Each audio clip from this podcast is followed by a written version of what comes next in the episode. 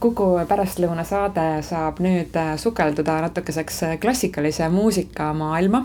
me räägime sellest, äh, kuidas ja, ja mis tasemel ja, ja mismoodi on võimalik Eestis õppida klassikalist muusikat.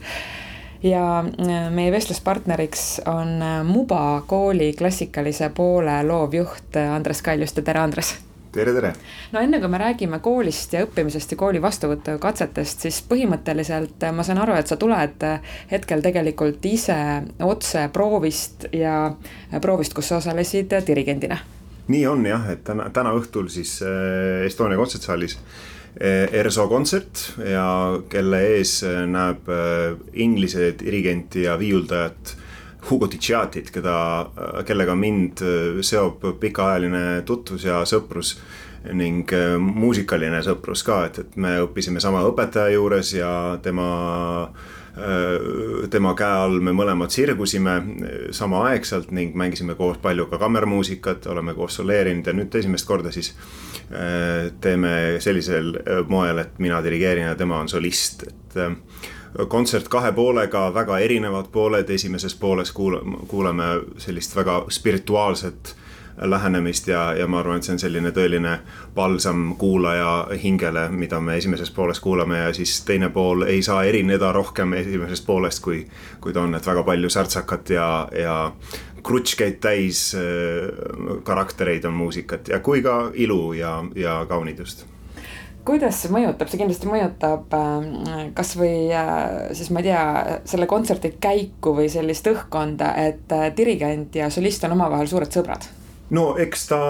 mingis mõttes võib-olla tõesti, aga, aga siis, kui nagu, kui on tööolukord ja, ja ta, ta on ikkagi nagu selles mõttes prooviolukord, sa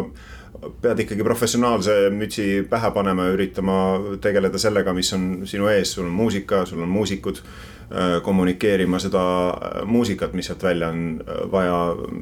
tuua ja kuulajateni, et, et see on nagu, nagu ikkagi lõpuks põhiline asi. et ei hakka mingeid oma inside nalju seal käiku laskma? ei, seda küll mitte jah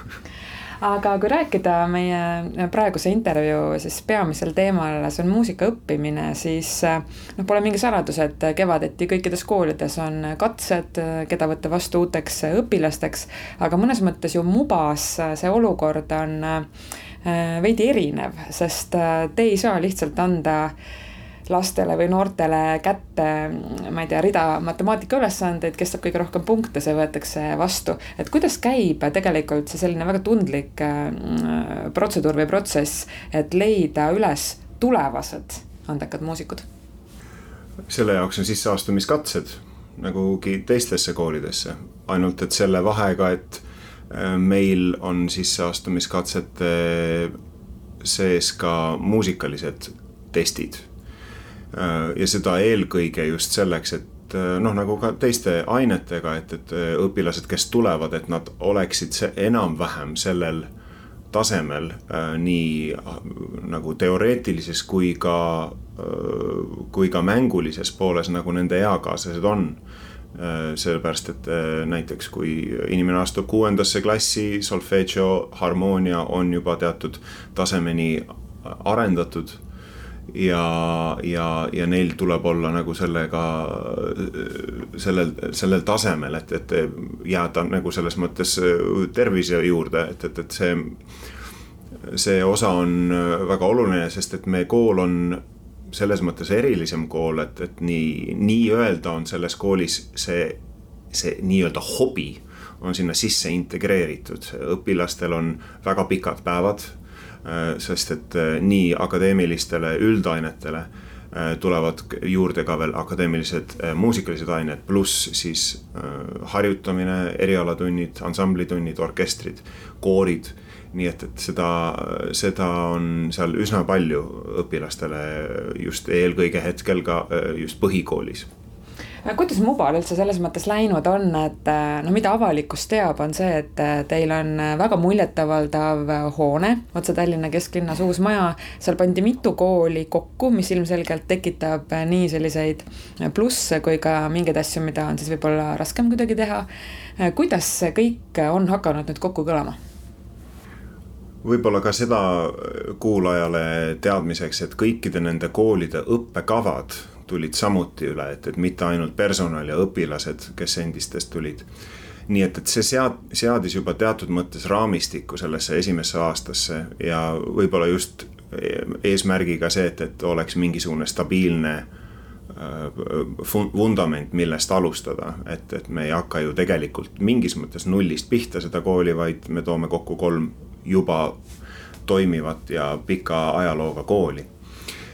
nagu kõikide nii-öelda sihukeste uute suhetega, elu teeb omad korrektuurid läbi aja, asjad nii-öelda loksuvad äh, iseenesest paika, paljud asjad loksuvad iseenesest paika, aga, aga on loomulikult ka selliseid äh, hetki, kus äh, on, on vaja vaadata, et ahah, aga mis on siin üldse võimalik võrreldes sellega, mis oli endises kohas võimalik, sest et, et seda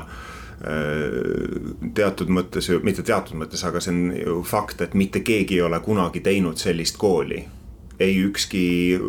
laps, õpilane ega ka täiskasvanu, kes seal majas on. et see on kõikidele väga suur öö, muutus ja võiks öelda, et Eesti muusikahariduse ajaloo üks, üks tähtsamaid ja olulisemaid hetki, et, et kuidas see järgmine peatükk siit pihta hakkab kas Eestis antakse või kas näiteks teie koolis antakse maailmatasemel muusikaharidust? Meil antakse väga tugevat muusikalist haridust, meil on maailma tasemel saame loomulikult rääkida, sellepärast et meil koolist on läinud, kui ma räägin nüüd klassikalise muusika poole pealt, siis väga paljud, kes on maailmas läinud edasi või mängivad ka meie kodustes orkestrites, siis tulevad peaasjalikult endisest Tallinna Muusikakeskkoolist ehk siis nüüd tulevasest Mubast ja, ja fakt on see, et, et on, on sellest koolist võrsunud tõeliselt äh, tugevaid instrumentaliste ja, ja ka heliloojaid kes on äh, ka piiri taga väga edukalt äh,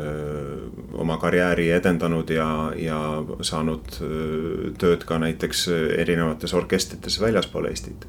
nii et sa oled uhke Muba üle? jaa, ma olen uhke Muba üle, ma olen uhke selle Äh, maja üle ma olen uhke noorte potentsiaali üle. Äh, noh, kuigi see ei ole võib-olla minu asi uhkustada sellega või uhke olla, aga mul on, mul on hea meel äh, alati noortega koostööd teha, vaadata ja tunda seda soovi areneda, järgmist sammu teha, see on väga inspireeriv ütle, kui sa kõnnid äh, näiteks äh, ringi Muba koridorides äh, tunni ajal, kui tihti sul on olnud olukorda, kus sa kuuled, et keegi näiteks harjutab või mängib midagi kuskil klassis ja sa jääd kuulama, et kas see võib päriselt olla õpilane, et nii hästi mängib? Mubas on selline lugu, et seal ei kuule me mitte midagi, kes kus midagi harjutab juhuslikult, kui neil ei ole aken lahti ja, ja, ja ma ei ole juhuslikult selles meie siseaias, mis on vaikusaed nii et, et meie Mubas tegelikult tõesti ja see isoleeritus nendes tubades on nii fenomenaalselt hästi ehitatud, et, et mis iganes hääled toimuvad selles äh, harjutusruumis või klassiruumis, need ka sinna jäävad. Aga näiteks, kui sa oled äh, õpilaste, kasvõi oma koolisisesel kontserdil, on selliseid uhkuse momente, kus sa kuulad, et siit on midagi tulemas, sellest poisist või tüdrukust võib midagi saada jaa, muidugi on, äh, aga neid hetki ei, need hetked toimuvad ka mitte ainult laval, et, et need toimuvad ka mingites proovides, sa näed, kuidas keegi on, sa näed, kuidas keegi äh, ennast väljendab, sa juba, juba tunnetad seda potentsiaali, mis neis on ja, ja nende karakterid on ju mitmes mõttes juba kõigile näha ja tunda, missugused äh, nii või naa nad, milleks nad tulevikus välja välja arenevad ja lõpetuseks äh, kontsert äh, täna õhtul, millest me alguses kõnelesime, on sul kell seitse ja praegu on äh, kell umbes üks päeval. kuidas dirigendi päev selles mõttes välja näeb, et kas sa vahepeal lülitad ennast ka nii-öelda muusikast täiesti välja, teed midagi täiesti muud või on su mõtted ikkagi kusagil, ma ei tea, partituuris või mingites kontserdiga seotud asjades? jällegi oleneb, mina lähen praegu Mubasse, me oleme praegu siin Estonia kontsertsaalis, aga et ma lähen Mubasse, on vaja mõned asjad äh, organiseerida tuleviku äh, projektide osas äh, aga muidu, kui, kui nüüd Mubat ei oleks, siis väike lõunauinak minule. päriselt, uinak? ikka, ikka, et saaks teha nagu. kas see on dirigentide puhul tavaline muide enne kontserdipäeval? vot hea küsimus, ma tean oma isa pealt, ma tean küll, et ta, talle meeldis väikseid uinakuid teha, aga mulle meeldib ka süüa steiki